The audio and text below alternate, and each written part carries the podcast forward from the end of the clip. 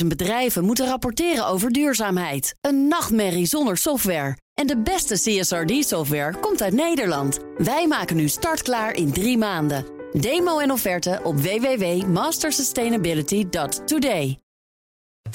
De column van Paul Lasseur. Zelf ben ik nooit een groot haringliefhebber geweest. Het komt er wel eens van hoor, op borrels en recepties, maar dan altijd op zijn Amsterdams. In stukjes gesneden, met zo'n Tweede Kamervlaggetje erin geprikt. In de ogen van diehard haringfans, die hem gestrekt aan het staartje zo naar binnen laten glijden, ben je dat toch een mietje.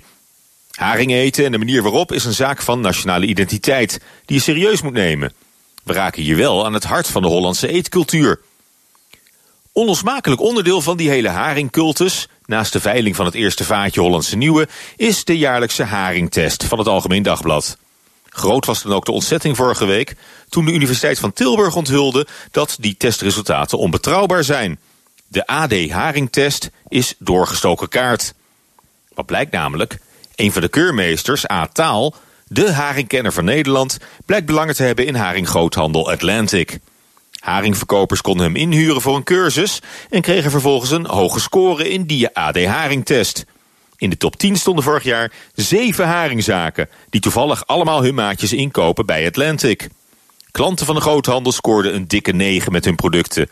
terwijl de andere haringboeren in de test gemiddeld op een 5,5 bleven steken. Dat stinkt. Maar wat maakt het eigenlijk uit? Je voelt toch op je klompen aan dat zo'n test niet kan deugen. Objectiviteit is een illusie.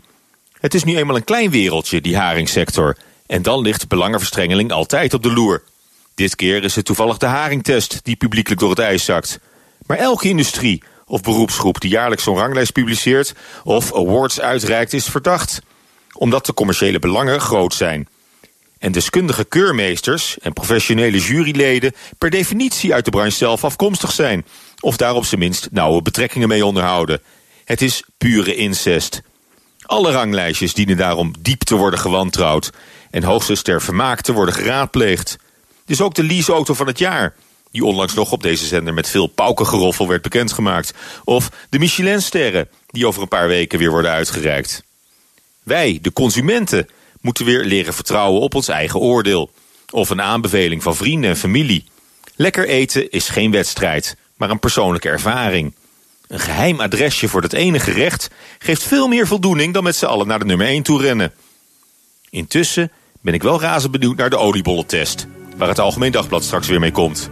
Het hoort er toch een beetje bij, elk jaar. Prettige maandag.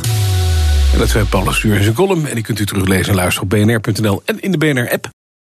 50.000 bedrijven moeten rapporteren over duurzaamheid. Een nachtmerrie zonder software. En de beste CSRD-software komt uit Nederland. Wij maken nu startklaar in drie maanden. Demo en offerte op www.mastersustainability.today.